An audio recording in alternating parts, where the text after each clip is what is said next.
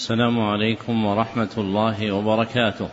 الحمد لله الذي جعل الدين مراتب ودرجات وصير للعلم به أصولا ومهمات.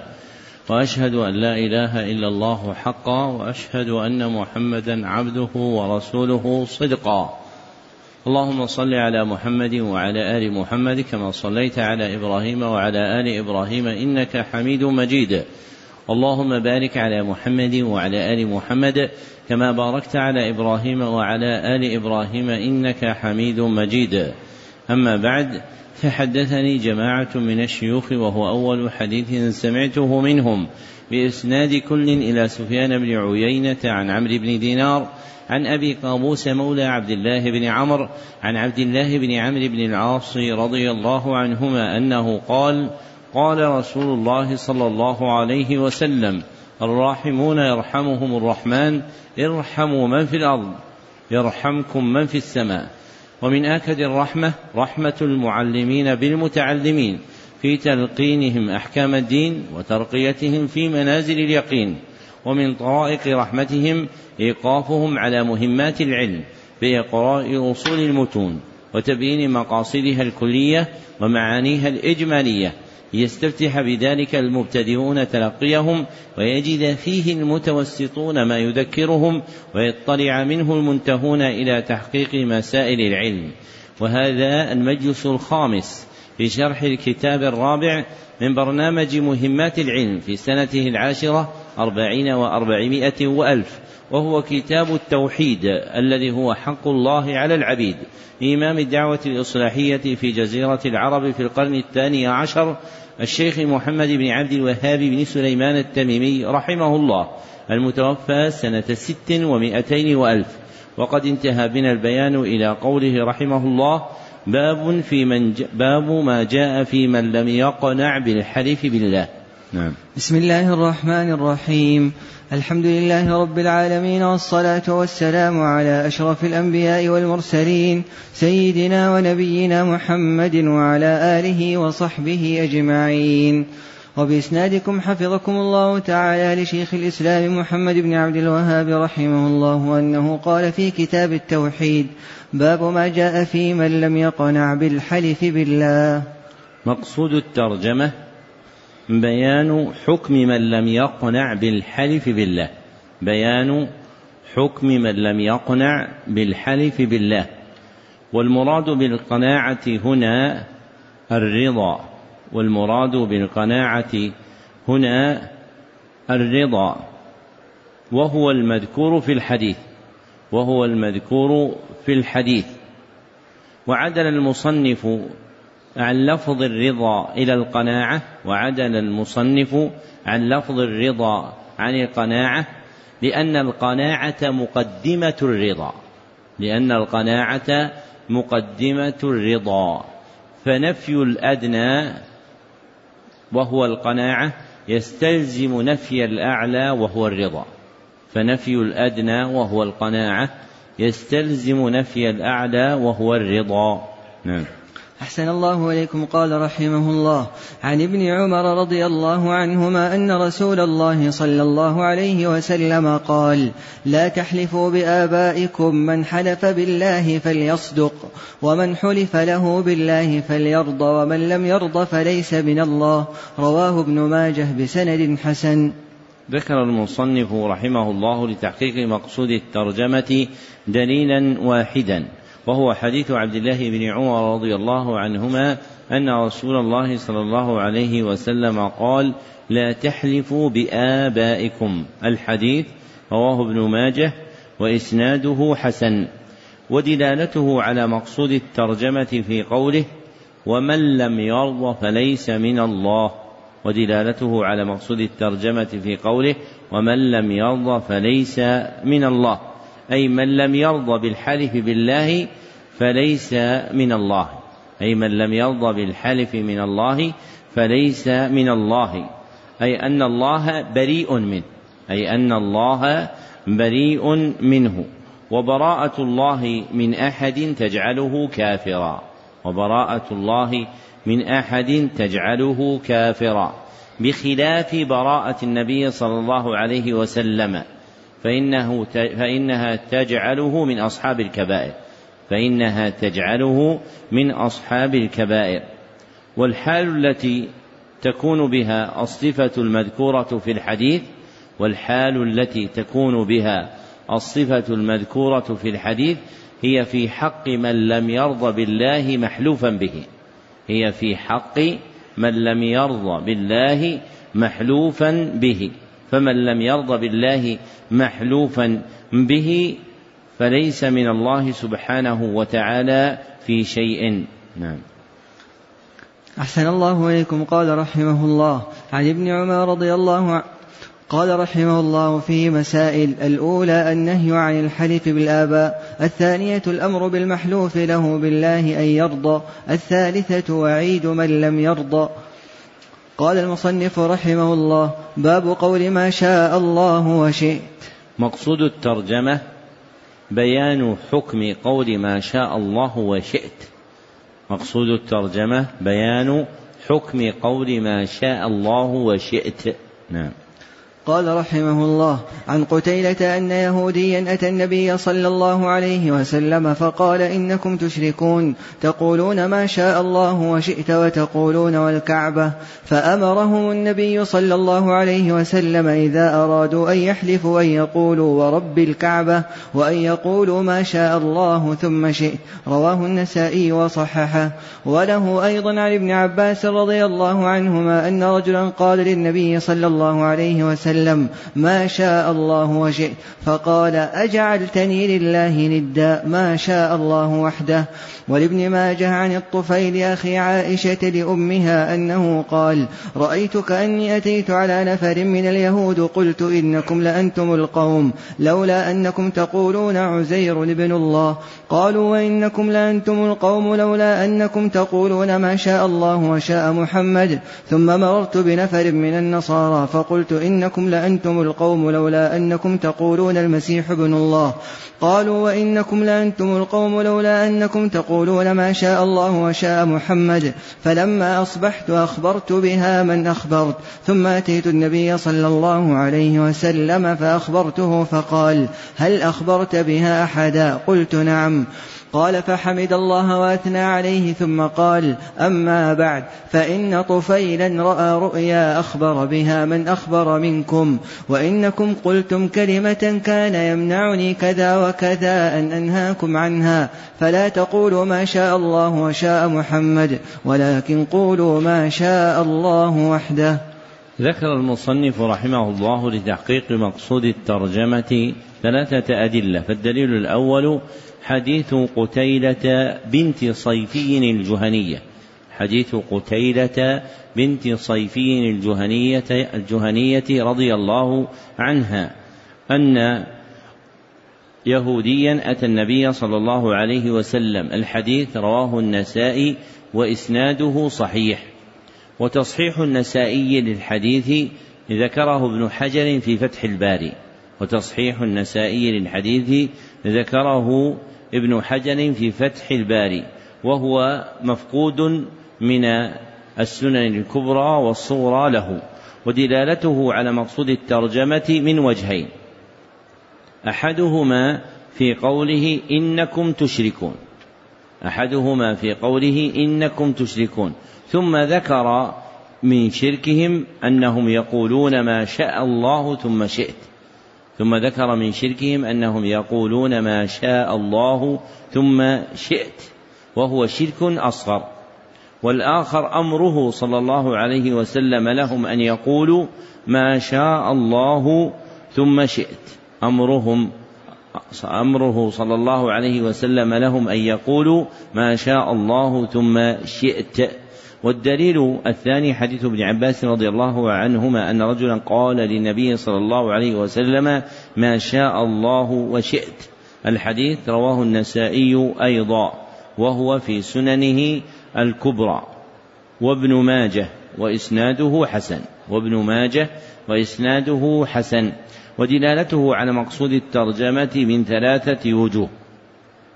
أولها أن الاستفهام استنكاري. أن الاستفهام استنكاري فهو إنكار لمقالة الرجل فهو إنكار لمقالة الرجل. وثانيها في قوله أجعلتني لله ندا. والثاني وثانيها في قوله أجعلتني لله ندا أي بقولك ما شاء الله وشئت. أي بقولك ما شاء الله وشئت. فإن التسوية بين الخالق والمخلوق من التنديد.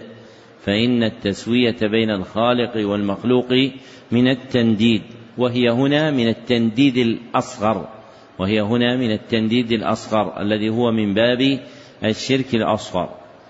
وثالثها في قوله ما شاء الله وحده وثالثها في قوله ما شاء الله وحده تقريرا لانفراد الله عز وجل بالمشيئة تقريرا لانفراد الله عز وجل بالمشيئة. وهذا غاية التوحيد عند ذكر المشيئة. وهذا غاية التوحيد عند ذكر المشيئة. والدليل الثالث حديث الطفيل بن سخبرة. حديث الطفيل بن سخبرة رضي الله عنه أخي عائشة أم المؤمنين رضي الله عنها لأمها أنه قال رأيت كني أتيت على نفر من اليهود الحديث رواه ابن ماجه وإسناده صحيح. ودلالته على مقصود الترجمة من وجهين. أحدهما في قوله فلا تقولوا ما شاء الله وشاء محمد. فلا تقولوا ما شاء الله وشاء محمد. فهو نهي والنهي للتحريم. فهو نهي والنهي للتحريم. لما فيه من التسوية بين الخالق والمخلوق التي هي شرك وتنديد. لما فيه من التسوية بين الخالق والمخلوق التي هي شرك وتنديد. والآخر في قوله ولكن قولوا ما شاء الله وحده ولكن قولوا ما شاء الله وحده فأمرهم بإفراد الله بالمشيئة. فأمرهم بإفراد الله بالمشيئة. وهذا غاية الأدب كما تقدم. وهذا غاية الأدب كما تقدم. وذكر مشيئة الله وخلقه له أربعة أنواع. وذكر مشيئة الله وخلقه له أربعة أنواع. أولها ذكر مشيئة الله وحده. ذكر مشيئة الله وحده. بقول ما شاء الله وحده. بقول ما شاء الله وحده. وهذا غاية الأدب في التوحيد. وهذا غاية الأدب في التوحيد. وثانيها ذكر مشيئة الخالق والمخلوق. ذكر مشيئة الخالق والمخلوق. والعطف بينهما بحرف ثم. والعطف بينهما بحرف ثم. بقول ما شاء الله ثم شاء فلان. بقول ثم شاء الله ثم شاء فلان. أو ثم شئت. وهذا جائز وهذا جائز. وثالثها ذكر مشيئة الخالق والمخلوق مع التسوية بينهما بحرف الواو. ذكر مشيئة الخالق والمخلوق مع التسوية بينهما بحرف الواو. بقول ما شاء الله وشاء فلان. بقول ما شاء الله وشاء فلان. وهذا شرك أصغر. وهذا شرك أصغر. وثالثها ذكر مشيئة المخلوق وحده. ذكر مشيئة المخلوق وحده. بقول ما شاء فلان أو إن شئت. بقول ما شاء فلان أو إن شئت. وهذا جائز بثلاثة شروط. وهذا جائز بثلاثة شروط. أحدها ثبوت كونه سببا لذلك.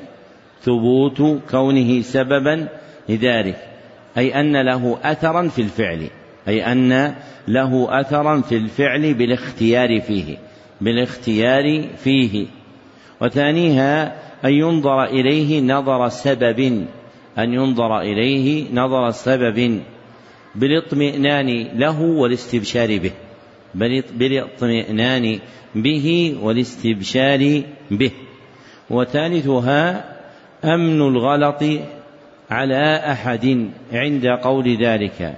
أمن الغلط على أحد عند قول ذلك سواء المتكلم أو السامع سواء المتكلم أو السامع. فإذا خشي توهم معنى باطن منع منه. فإذا خشي وقوع فإذا خشي توهم معنى باطل وقع منع منه. نعم. قال رحمه الله فيه مسائل. الأولى معرفة اليهود بالشرك الأصغر. الثانية فهم الإنسان إذا كان له هوى. الثالثة قوله صلى الله عليه وسلم أجعلتني لله ندا. فكيف بمن قال يا أكرم الخلق ما لي من ألوذ به سواك والبيتين بعده. الرابعة أن هذا ليس من الشرك الأكبر لقوله صلى الله عليه وسلم يمنعني كذا وكذا. الخامسة أن الرؤيا الصالحة من أقسام الوحي. السادسة أنها قد تكون سببا لشرع بعض الأحكام. قال المصنف رحمه الله باب من سب الدهر فقد آذى الله. مقصود الترجمة بيان أن سب الدهر من أذية الله.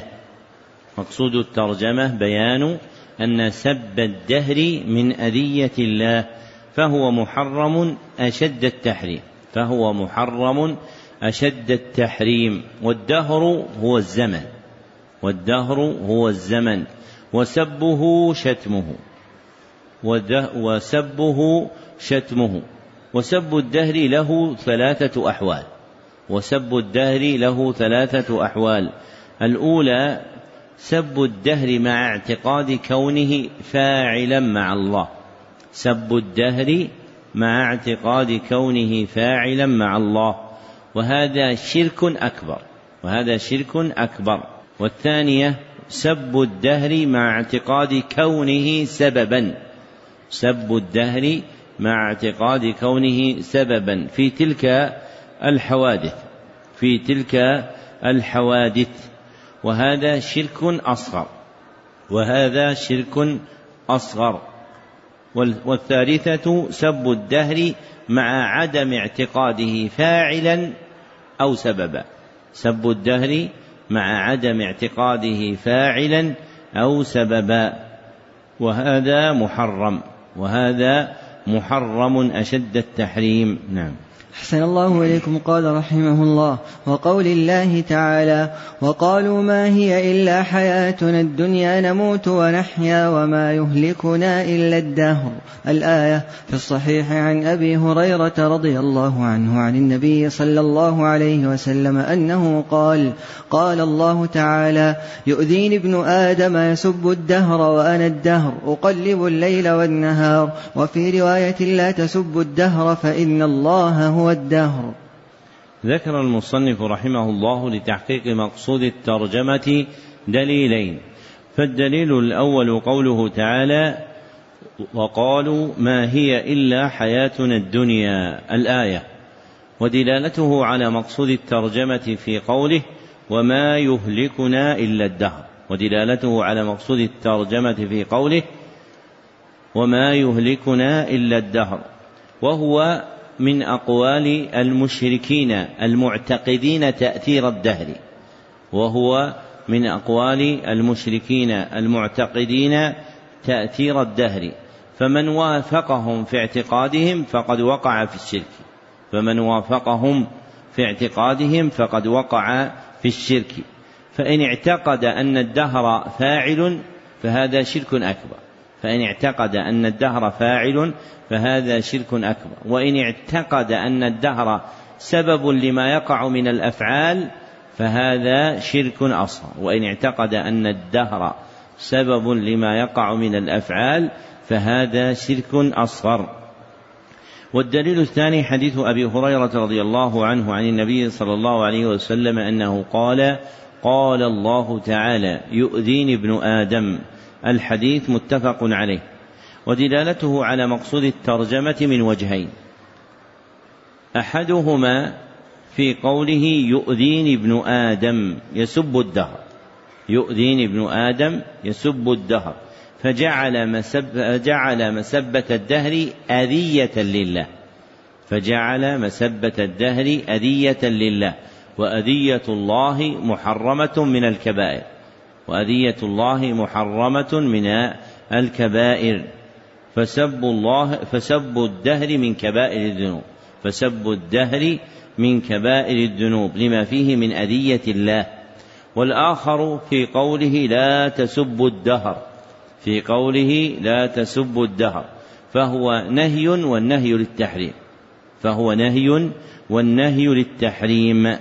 ومعنى قوله في الحديث وأنا الدهر ومعنى قوله في الحديث وأنا الدهر وفي الرواية الثانية فإن الله هو الدهر أي المتصرف فيه أي المتصرف فيه. كما وقع في رواية للحديث أقلب الليل والنهار. كما وقع في رواية الحديث أقلب الليل والنهار. وفي لفظ في الصحيح بيد الأمر. وفي لفظ في الصحيح بيد الأمر. أي بيده سبحانه التصرف في أحوال الدهر. أي بيده سبحانه التصرف في أحوال الدهر. بما يجعله فيه من الأفعال. نعم. أحسن الله إليكم. قال رحمه الله فيه مسائل. الأولى النهي عن سب الدهر. الثانية تسميته أذى الله. الثالثة التأمل في قوله فإن الله هو الدهر. الرابعة أنه قد يكون سابا ولو لم يقصده بقلبه. قال المصنف رحمه الله باب التسمي بقاضي القضاة ونحوه. مقصود الترجمة بيان حكم التسمي بقاضي القضاة. بيان حكم التسمي بقاضي القضاة ويندرج في قوله ونحوه ما كان في معناه ويندرج في قوله ما ونحوه ما كان في معناه برد الفصل والحكم إليه برد الحكم والفصل إليه كملك الملوك وسيد السادات وحاكم الحكام. كملك الملوك وسيد السادات وحاكم الحكام وعدل المصنف عن الترجمة بما جاء في الحديث وهو إيش اللي في الحديث؟ ملك الأملاك وعدل المصنف عن الترجمة بما جاء في الحديث وهو ملك الأملاك فترجم بقاضي القضاة فترجم بقاضي القضاة لماذا؟ لماذا عدل؟ لأن لقب قاضي القضاة هو الشائع في المسلمين لأن لقب قاضي القضاة هو الشائع في المسلمين فهم أحوج إلى بيان حكمه من لقب غير شائع فهم أحوج إلى بيان حكمه من لقب غير شائع. نعم. أحسن الله إليكم. قال رحمه الله في الصحيح عن أبي هريرة رضي الله عنه عن النبي صلى الله عليه وسلم أنه قال إن أخنع اسم عند الله رجل تسمى ملك الأملاك لا مالك إلا الله. قال سفيان مثل شاهان شاه. وفي رواية أغيض رجل على الله يوم القيامة وأخبثه. قوله أخنع يعني أوضع. ذكر المصنف رحمه الله لتحقيق مقصود الترجمة دليلا واحدا وهو حديث أبي هريرة رضي الله عنه عن النبي صلى الله عليه وسلم أنه قال إن أخنع اسم عند الله الحديث متفق عليه ودلالته على مقصود الترجمة من وجهين أحدهما في قوله إن أخنع اسم عند الله أحدهما في قوله إن أخنع اسم عند الله. أي أذل اسم وأوضعه. أي أذل اسم وأوضعه. والذلة والضعة تكون بالمحرمات. والذلة والضعة تكون بالمحرمات. فالتسمي بملك الأملاك وما في معناه محرم. فالتسمي بملك الأملاك وما في معناه محرم. والآخر في قوله أغيض رجل عند على الله يوم القيامة وأخبثه أغيض رجل على الله يوم القيامة وأخبثه والغيظ شدة الغضب. والغيظ شدة الغضب. وما اشتد غضب الله لأجله فهو محرم. وما اشتد غضب الله لأجله فهو محرم. فهذا الاسم ملك الأملاك محرم ويلحق به ما كان في معناه ويلحق به ما كان في معناه وهو الذي قصده سفيان بقوله مثل شاهان شاه وهو الذي قصده سفيان بقوله مثل شاهان شاه. فمعناه في لسان الفرس ملك الملوك فمعناه في لسان الفرس ملك الملوك والأحكام معلقة بالمقاصد والمعاني والأحكام معلقة بالمقاصد والمعاني لا بالألفاظ والمباني لا بالألفاظ والمباني. يعني هذا اللقب شاهان شاه لم ينهى عنه بلفظه لكن نهي عنه بمعناه والشرع يلاحظ المقاصد والمعاني. نعم. أحسن الله إليكم. قال رحمه الله فيه مسائل. الأولى النهي عن التسمي بملك الأملاك. الثانية أن ما في معناه مثله كما قال سفيان. الثالثة التفطن للتغليظ في هذا ونحوه مع القطع بأن القلب لم يقصد معناه. الرابعة التفطن أن هذا لأجل الله سبحانه.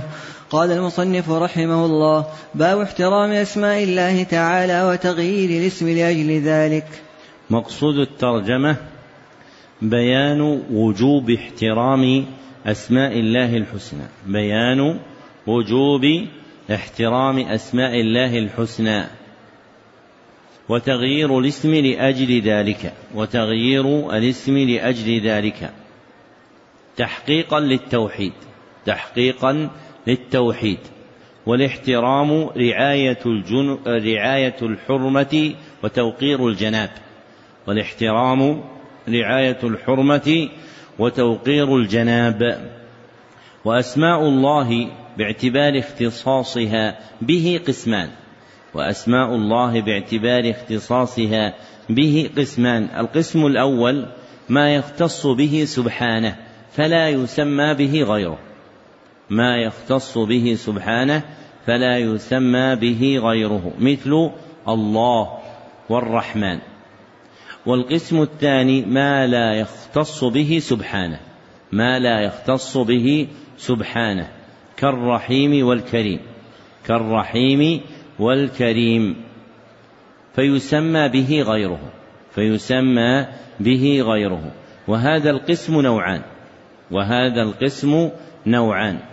فالنوع الأول ما يسمى به غيره مع إرادة العلمية المحضة. ما يسمى به غيره مع إرادة العلمية المحضة دون الصفة المستكنة فيه دون الصفة المستكنة يعني الموجودة فيه وهذا جائز وهذا جائز. كتسمية أحد عزيز أو حكيم على إرادة كونه اسما له.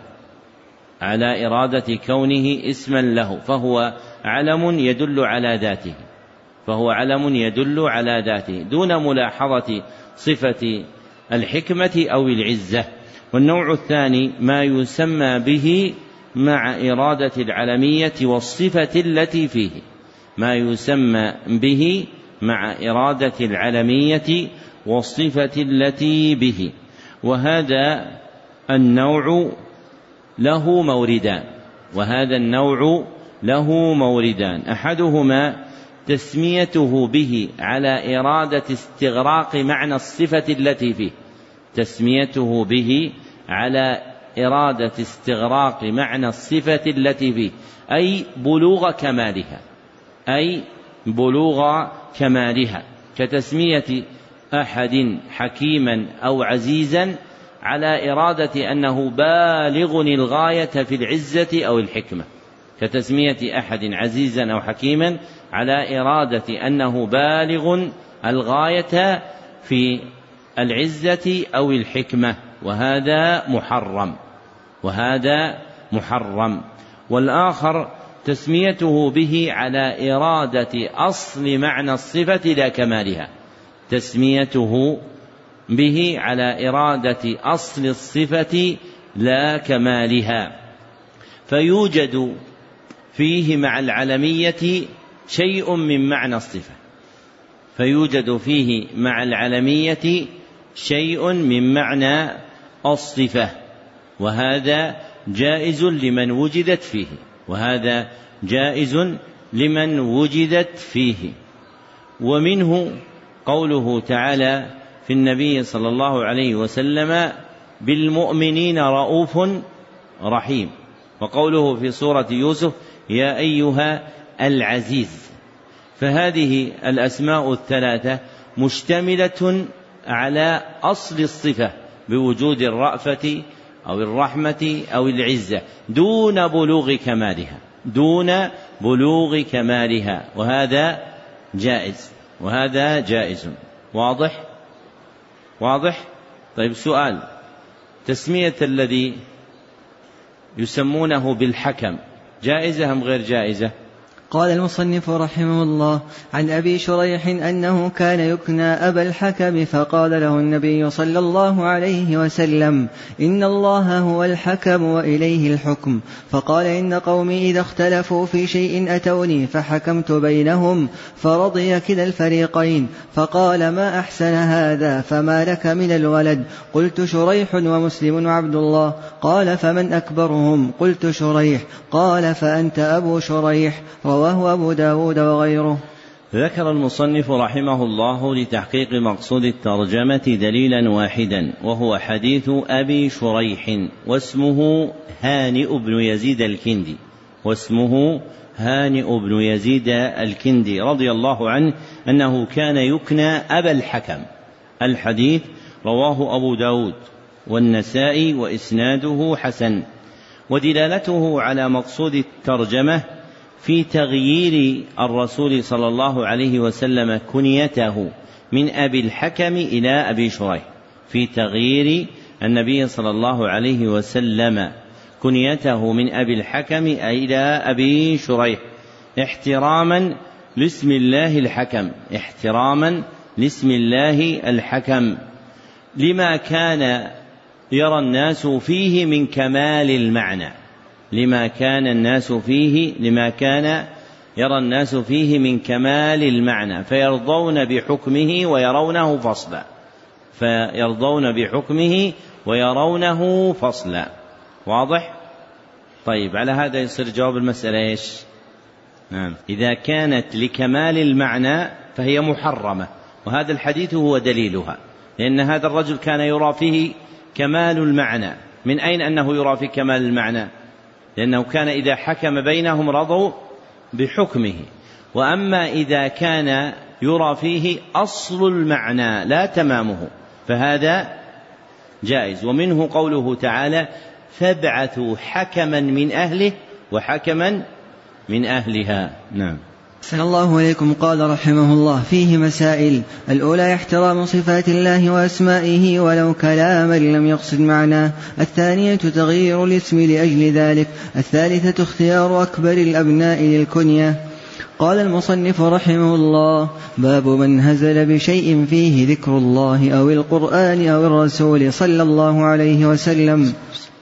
مقصود الترجمة بيان أن من هزل بشيء فيه ذكر الله بيان أن من هزل بشيء فيه ذكر الله أو القرآن أو الرسول صلى الله عليه وسلم فقد كفر أو بيان حكمه فقد كفر أو بيان حكمه.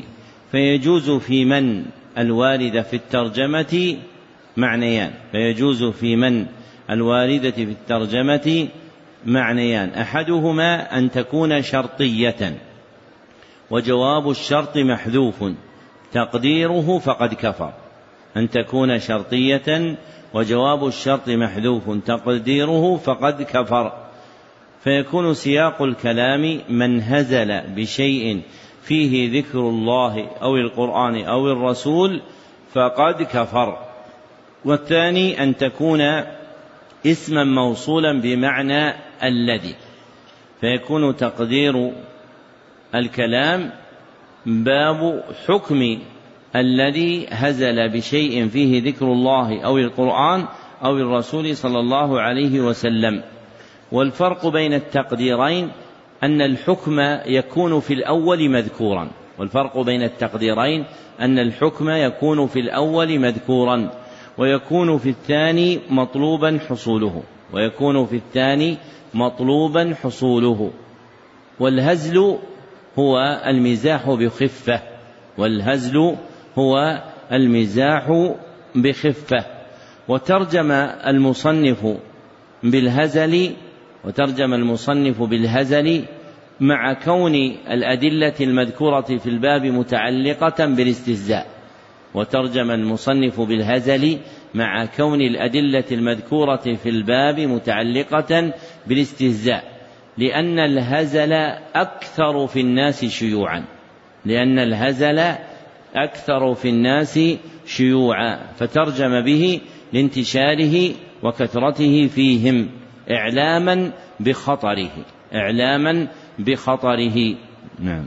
أحسن الله إليكم. قال رحمه الله وقول الله تعالى ولئن سألتهم ليقولن إنما كنا نخوض ونلعب. الآية عن ابن عمر ومحمد بن كعب وزيد بن أسلم وقتادة دخل حديث بعضهم في بعض أنه قال رجل في غزوة تبوك ما أرأينا مثل قرائنا هؤلاء أرغب بطولا ولا أكذب ألسنا ولا أجبن عند اللقاء. يعني الرسول صلى الله عليه وسلم أصحابه القراء فقال له عوف بن مالك كذبت ولكنك منافق لأخبرن رسول الله صلى الله عليه وسلم. فذهب عوف إلى رسول الله صلى الله عليه وسلم ليخبره فوجد القرآن قد سبقه فجاء ذلك الرجل إلى رسول الله صلى الله عليه وسلم وقد ارتحل وركب ناقته فقال يا رسول الله إنما كنا نخوض ونلعب ونتحدث حديث حديث الركب نقطع به عنا الطريق. قال ابن عمر رضي الله عنهما كأني أنظر إليه متعلقا بنسعة ناقة رسول الله صلى الله عليه وسلم وإن الحجارة تنكب رجليه وهو يقول إنما كنا نخوض ونلعب فيقول له رسول الله صلى الله عليه وسلم قل أب الله وآياته ورسوله كنتم تستهزئون ما يلتفت يلتفت إليه وما يزيده عليه. ذكر المصنف رحمه الله لتحقيق مقصود الترجمة دليلين. فالدليل الأول قوله تعالى ولئن سألتهم الآية. ودلالته على مقصود الترجمة في قوله لا تعتذروا قد كفرتم بعد إيمانكم ودلالته على مقصود الترجمة في قوله لا تعتذروا قد كفرتم بعد إيمانكم فأكفرهم الله بما فعلوا. فأكفرهم الله بما فعلوا. من خوضهم استهزاء بالله وآياته ورسوله. من خوضهم استهزاء بالله وآياته ورسوله. كما أخبر الله سبحانه وتعالى عنهم. فمن استهزأ بشيء فيه ذكر الله أو القرآن أو الرسول صلى الله عليه وسلم فقد كفر كفرا أكبر مخرجا من الملة. والدليل الثاني حديث عبد الله بن عمر رضي الله عنه ومحمد بن كعب وزيد بن أسلم وقتادة رحمهم الله. وحديث ابن عمر رواه ابن أبي حاتم في تفسيره وإسناده حسن. أما حديث من بعده فهي مراسيل رواها ابن جرير في تفسيره. أما حديث من بعده فهي مراسيل رواها ابن جرير في تفسيره ودلالته على مقصود الترجمة في كونه سببا لنزول الآيات المذكورة من سورة التوبة ودلالته على مقصود الترجمة في كونه سببا لنزول الآيات المذكورة في سورة التوبة المتعلقة بكفر المستهزئين. بالله وآياته وكتبه المتعلقة بكفر المستهزئين بالله وآياته وكتبه. نعم. أحسن الله إليكم. قال رحمه الله فيه مسائل. الأولى وهي العظيمة أن من هزل بهذا فهو كافر. الثانية أن هذا تفسير الآية في من فعل ذلك كائنا من كان. الثالثة الفرق بين النميمة والنصيحة لله ورسوله. الرابعة الفرق بين العفو الذي يحبه الله وبين الغلظة على أعداء الله. الخامسة أن من الاعتذار ما لا ينبغي أن يقبل. قال المصنف رحمه الله باب ما جاء في قول الله تعالى ولئن أذقناه رحمة منا من بعد ضراء مسته ليقولن هذا لي الآية. مقصود الترجمة بيان أن دعوى الإنسان بيان أن دعوى الإنسان استحقاقه النعمة المسداة إليه بعد ضراء أن النعمة المسداة بيان أن دعوى الإنسان استحقاق النعمة المسداة إليه بعد ضراء مسته مناف كمال التوحيد. مناف مناف التوحيد مناف التوحيد. فله نوعان فله نوعان. أحدهما زعم ذلك بلسانه دون قلبه. زعم ذلك بلسانه دون قلبه. وهذا شرك أصغر وهذا شرك أصغر. والآخر زعم ذلك بلسانه مع اعتقاد قلبه. زعم ذلك بلسانه مع اعتقاد قلبه. بأن يجعل إسداءها إليه من غير الله. بأن يجعل أن إسداءها إليه من غير الله معتقدا أنها من غيره. معتقدا أنها من غيره وهذا شرك أكبر. نعم. أحسن الله إليكم. قال رحمه الله قال مجاهد هذا بعملي وأنا محقوق به وقال ابن عباس يريد من عندي وقوله قال إنما أوتيته على علم عندي قال قتادة على علم مني بوجوه المكاسب وقال آخرون على علم من الله أني له أهل وهذا معنى قول مجاهد أوتيته على شرف. وعن أبي هريرة رضي الله عنه أنه سمع رسول الله صلى الله عليه وسلم يقول إن ثلاثة من بني إسرائيل أبرص وأقرع وأعمى فأراد الله أن يبتليهم فبعث إليهم ملكا فأتى الأبرص فقال فأي شيء أحب إليك؟ قال لون حسن وجلد حسن ويذهب عني الذي قد قدرني الناس به. قال فمسحه فذهب عنه قدره فأعطي لونا حسنا وجلدا حسنا. قال فأي المال أحب إليك؟ قال الإبل أو البقر شك إسحاق. فأعطي ناقة عشراء فقال بارك الله لك فيها. قال فأتى الأقرع فقال أي شيء أحب إليك؟ قال شعر حسن ويذهب عني الذي قد قدرني الناس به. فمسحه فذهب عنه وأعطي شعرا حسنا. قال فأي المال أحب إليك؟ قال البقر أو الإبل فأعطي بقرة حاملا. قال بارك الله لك فيها. فأتى الأعمى فقال أي شيء أحب إليك؟ قال أن يرد الله إلي بصري فأبصر به الناس. فمسحه فرد الله إليه إليه بصره. قال فأي المال أحب إليك؟ قال الغنم. فأعطي شاة والدا. فأنتج هذان وولد هذا فكان لهذا واد من الإبل ولهذا واد من البقر ولهذا واد من الغنم.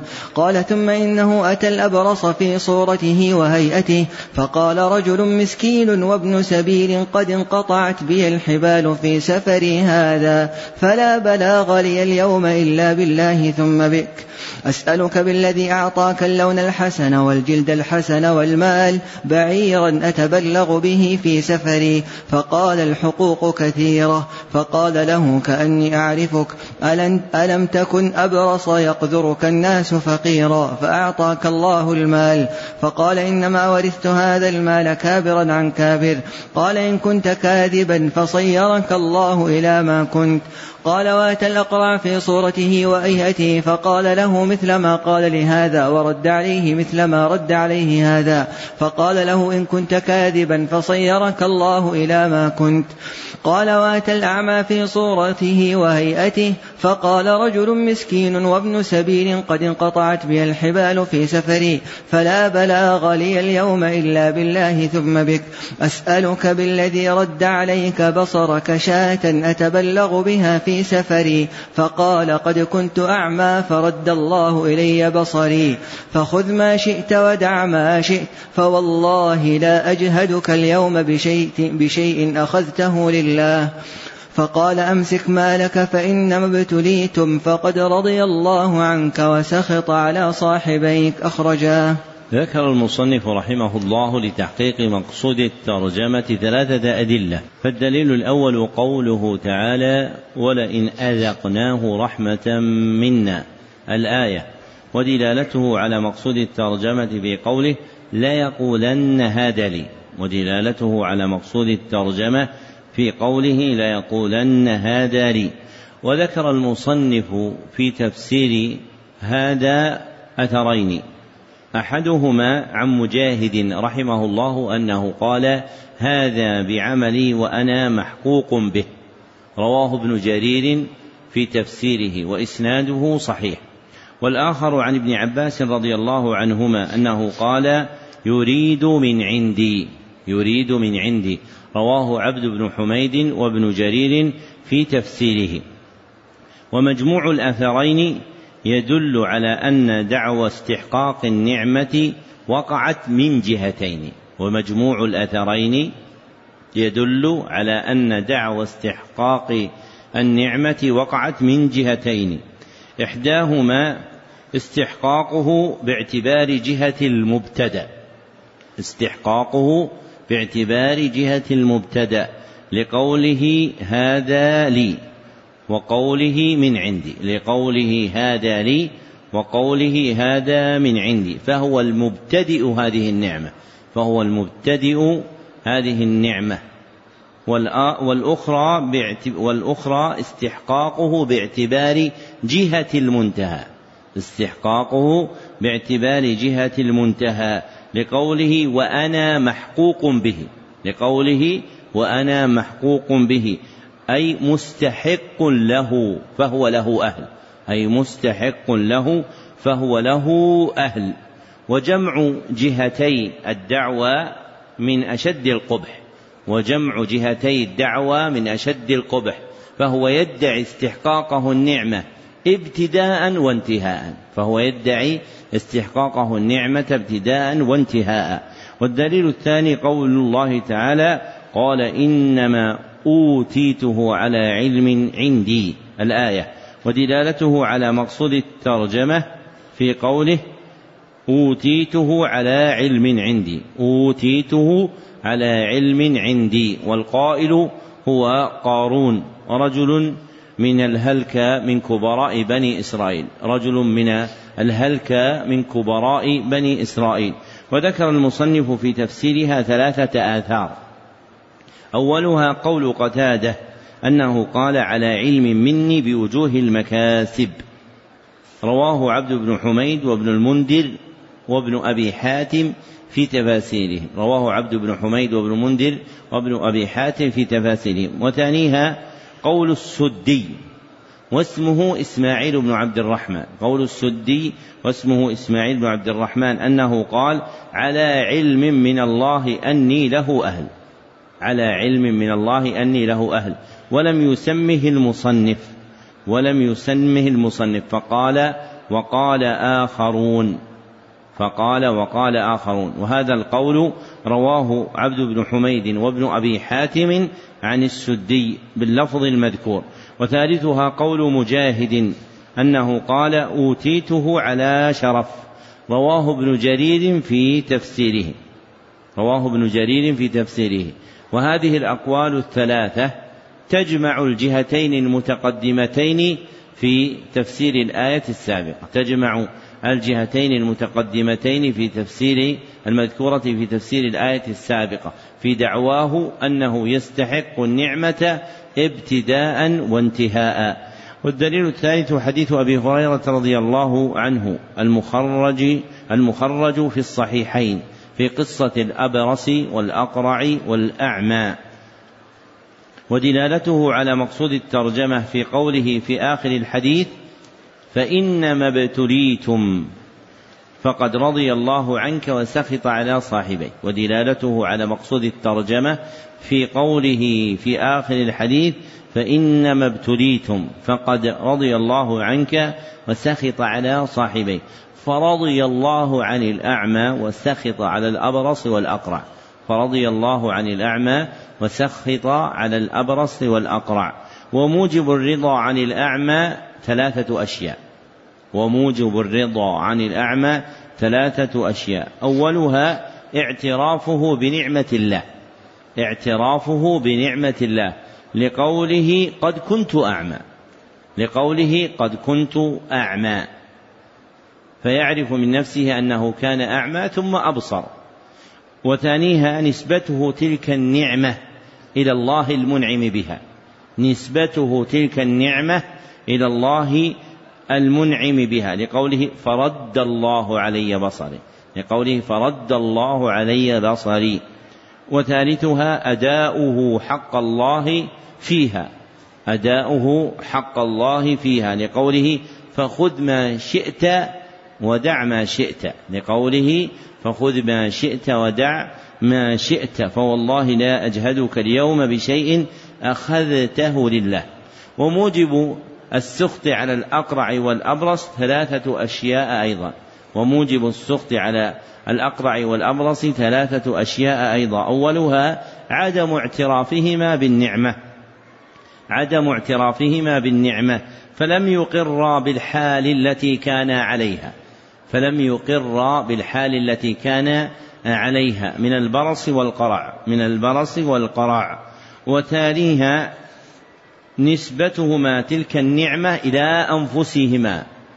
نسبتهما تلك النعمة إلى أنفسهما. لا إلى الله. بدعواهما أنها ميراث الآباء والأجداد. بدعواهما أنها ميراث الآباء والأجداد. وثالثها منعهما حق الله عز وجل. منعهما حق الله عز وجل في تلك النعمة. منعهما حق الله عز وجل في تلك النعمة فمنع ابن السبيل حقه. فمنع ابن السبيل حقه. وابن السبيل هو المسافر المنقطع به. وابن السبيل هو المسافر المنقطع به. أي الذي ذهبت مؤنته في سفره. أي الذي ذهبت مؤنته في سفره. فيحتاج للمعونة عليه. فيحتاج للمعونة عليه. نعم أحسن الله إليكم. قال رحمه الله فيه مسائل. الأولى تفسير الآية الثانية ما معنى ليقولن هذا لي. الثانية ما معنى قوله إنما أوتيته على علم. الرابعة ما في هذه القصة العجيبة من العبر العظيمة. قال المصنف رحمه الله باب قول الله تعالى فلما آتاهما صالحا جعلا له شركاء فيما آتاهما الآية مقصود الترجمة بيان أن تعبيد الأسماء لغير الله شرك. بيان أن تعبيد الأسماء لغير الله شرك وهو نوعان. أحدهما التعبيد في الاسم دون إرادة المعنى.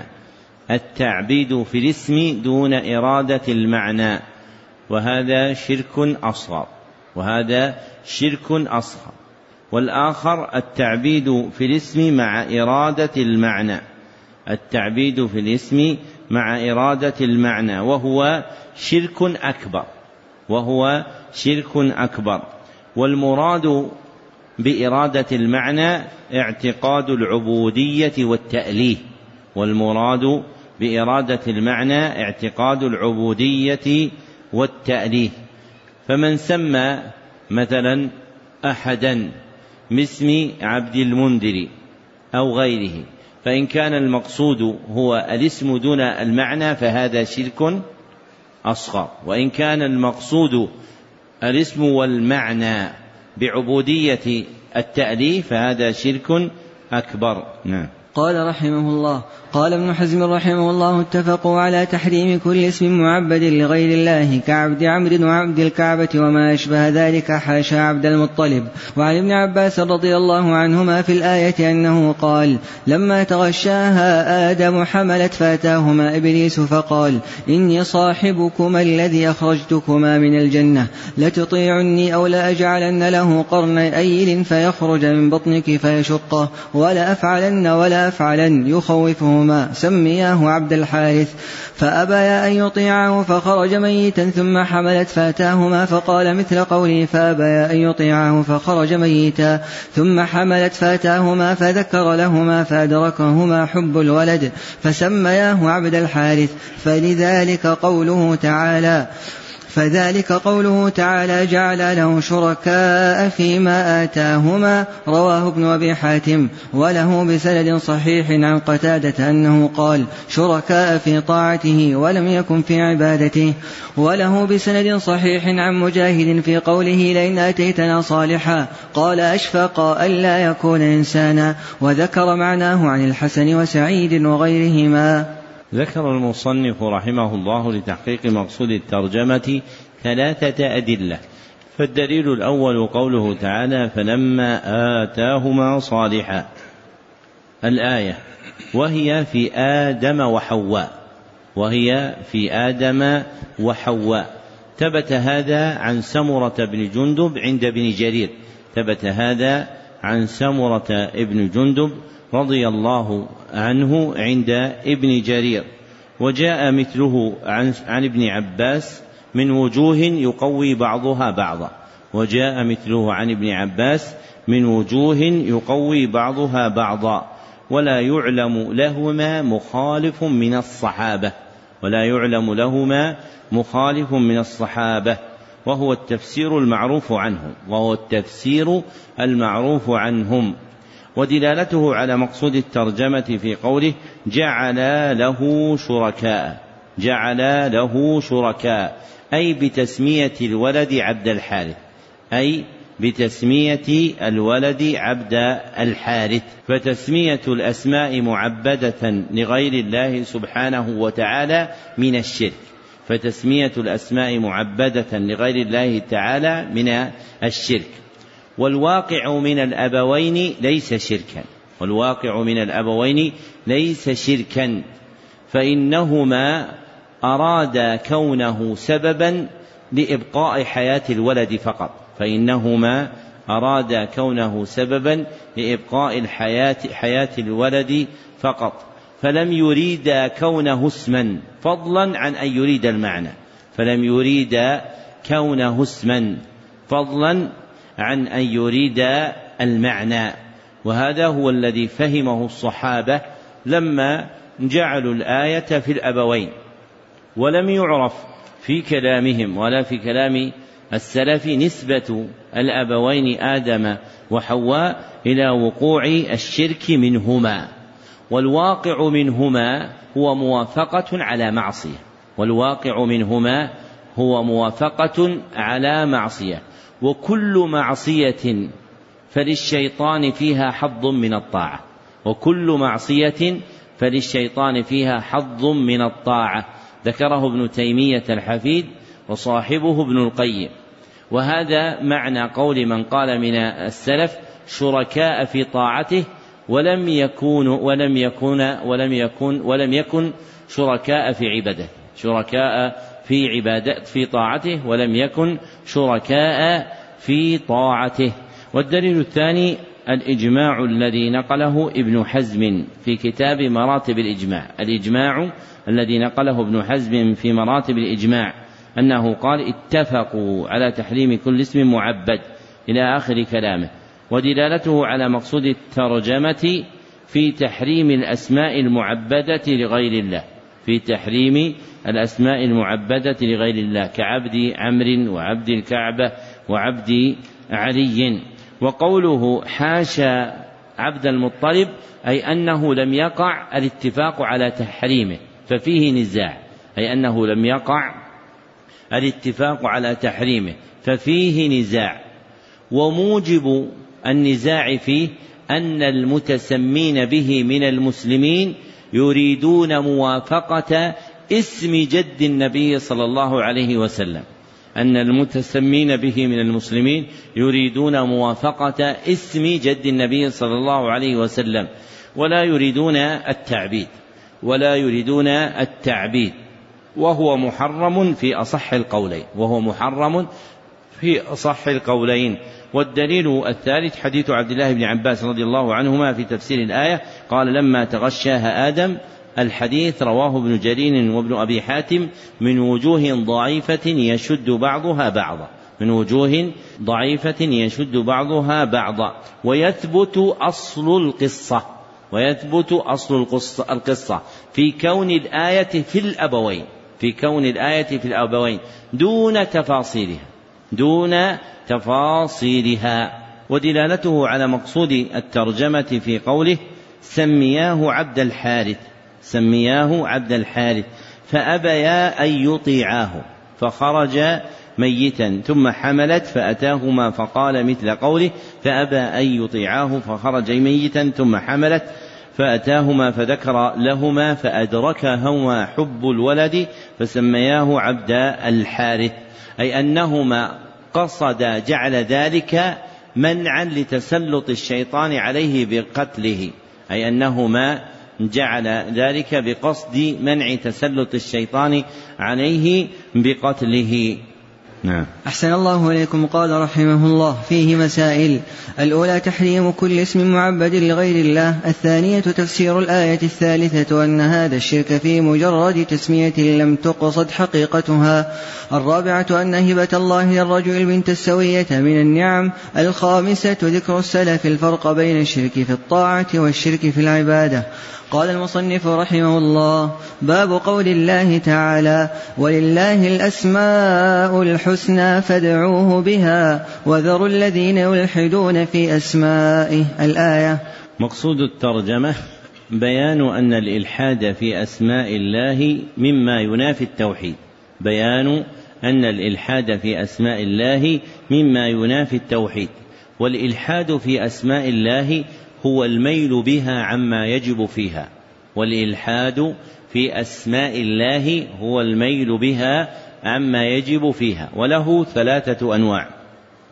أولها إنكار المسمى بها وهو الله أولها إنكار المسمى بها وهو الله وثانيها التشريك فيها التشريك فيها أي الوقوع في الشرك المتعلق بها.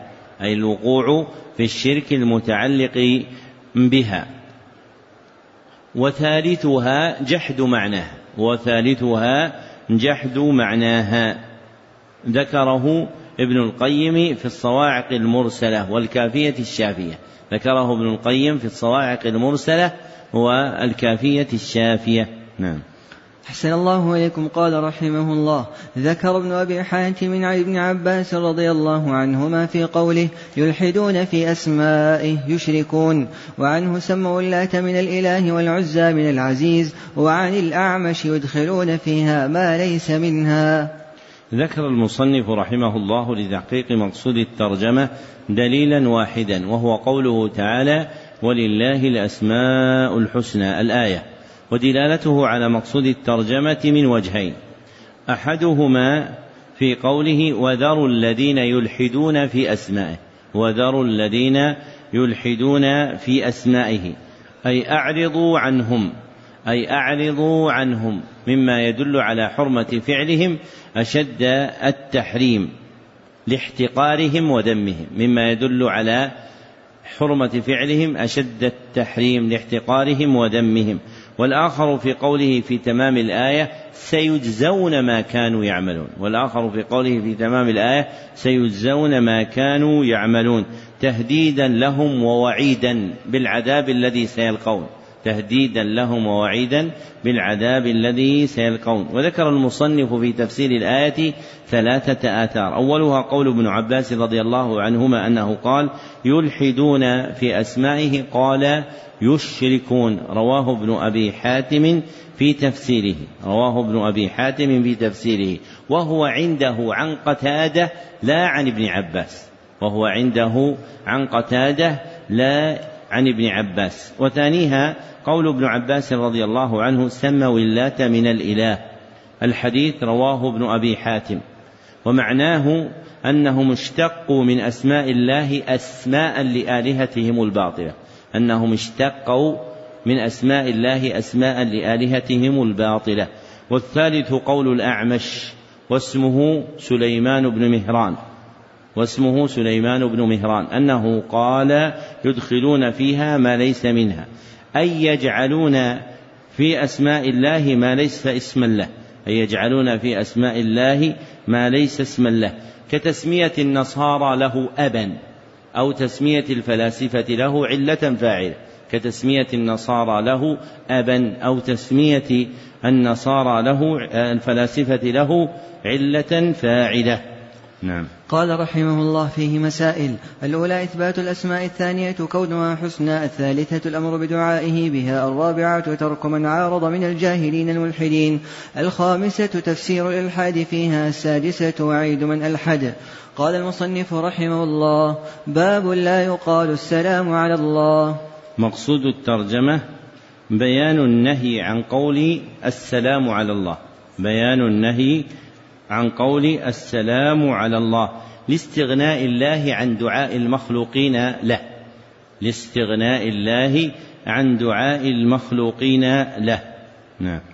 قال رحمه الله في الصحيح عن ابن مسعود رضي الله عنه أنه قال كنا إذا كنا مع النبي صلى الله عليه وسلم في الصلاة قلنا السلام على الله من عباده السلام على فلان وفلان. فقال النبي صلى الله عليه وسلم لا تقولوا السلام على الله فإن الله هو السلام. ذكر المصنف رحمه الله لتحقيق مقصود الترجمة دليلا واحدا وهو حديث ابن مسعود رضي الله عنه أنه قال كنا إذا كنا مع النبي صلى الله عليه وسلم في الصلاة. الحديث متفق عليه ودلالته على مقصود الترجمة من وجهين أحدهما في قوله لا تقول السلام على الله فهو نهي. والنهي للتحريم فهو نهي والنهي للتحريم. والآخر في قول فإن الله هو السلام.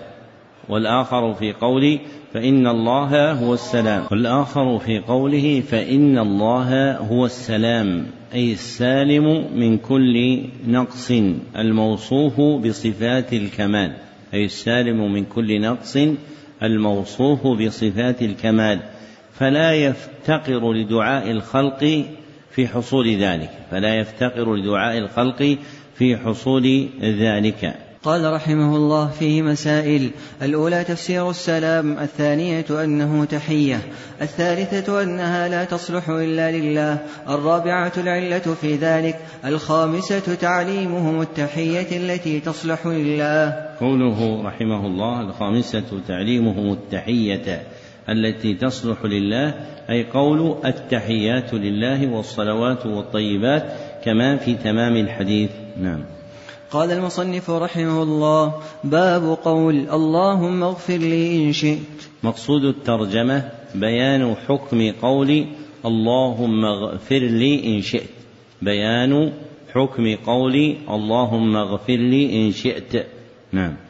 قال في الصحيح عن أبي هريرة رضي الله عنه أن رسول الله صلى الله عليه وسلم قال لا يقل أحدكم اللهم اغفر لي إن شئت اللهم ارحمني إن شئت ليعزم المسألة فإن الله لا مكره له ولمسلم وليعظم الرغبة فإن الله لا يتعاظمه شيء أعطاه. ذكر المصنف رحمه الله لتحقيق مقصود الترجمة دليلا واحدا وهو حديث أبي هريرة رضي الله عنه أن رسول الله صلى الله عليه وسلم قال لا يقل أحدكم اللهم اغفر لي إن شئت الحديث متفق عليه. ودلالته على مقصود الترجمة في قوله لا يقل أحدكم اللهم اغفر لي إن شئت فهو نهي والنهي للتحريم. وموجب النهي أمران مذكوران في الحديث. وموجب النهي أمران مذكوران في الحديث. أحدهما إيهامه نقصا في الخالق.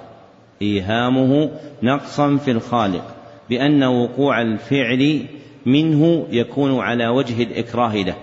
بأن وقوع الفعل منه يكون على وجه الإكراه له. ولذلك قال فإن الله لا يكرهه شيء. وقال فإن الله لا يتعاظمه شيء. والآخر إيهامه نقصا في المخلوق. إيهامه نقصا في المخلوق. بما يشعر به دعاؤه من فتور عزيمته. بما يشعر به دعاؤه من فتور عزيمته وضعف رغبته. ولذلك قال وليعظم الرغبه ولذلك قال وليعظم الرغبة وقال ليعزم المسألة. ليعزم المسألة. نعم. أحسن الله إليكم قال رحمه الله. فيه مسائل. الأولى النهي عن الاستثناء في الدعاء. الثانية بيان العلة في ذلك. الثالثة قوله ليعزم المسألة.